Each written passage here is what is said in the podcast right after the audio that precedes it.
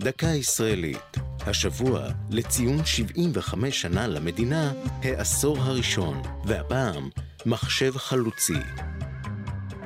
כיום מרבים לדבר על ישראל כעל אומת הייטק חדשנית, אך כבר בראשית דרכה עמדה המדינה בחזית הקדמה הטכנולוגית בזכות המחשב האלקטרוני הראשון בארץ ואחד הראשונים בעולם, וייצק. וייצק, ראשי תיבות באנגלית של המחשבון האוטומטי של מכון ויצמן, הגיע ארצה בעקבות הפרופסור חיים לייב פקריס. זה היה מדען יהודי אמריקני שהקים בשנות ה-40 את המחלקה למתמטיקה שימושית במכון ויצמן, שאז נקרא מכון זיו.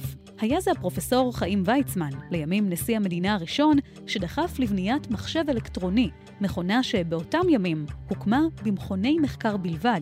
באוקטובר 55 בישרו כותרות העיתונים על הפעלתו של המוח האלקטרוני מרחובות. תוכניות המחשב נוקבו על סרט נייר ושימשו למחקרים בפיזיקה וכימיה וגם לצרכים צבאיים.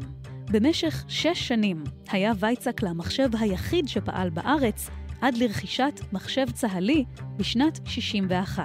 בדצמבר 63 פרש וייצק לגמלאות, ואת מקומו במכון ויצמן תפס מחשב חדש שכונה גולם. זו הייתה דקה ישראלית על העשור הראשון למדינה ומחשב חלוצי.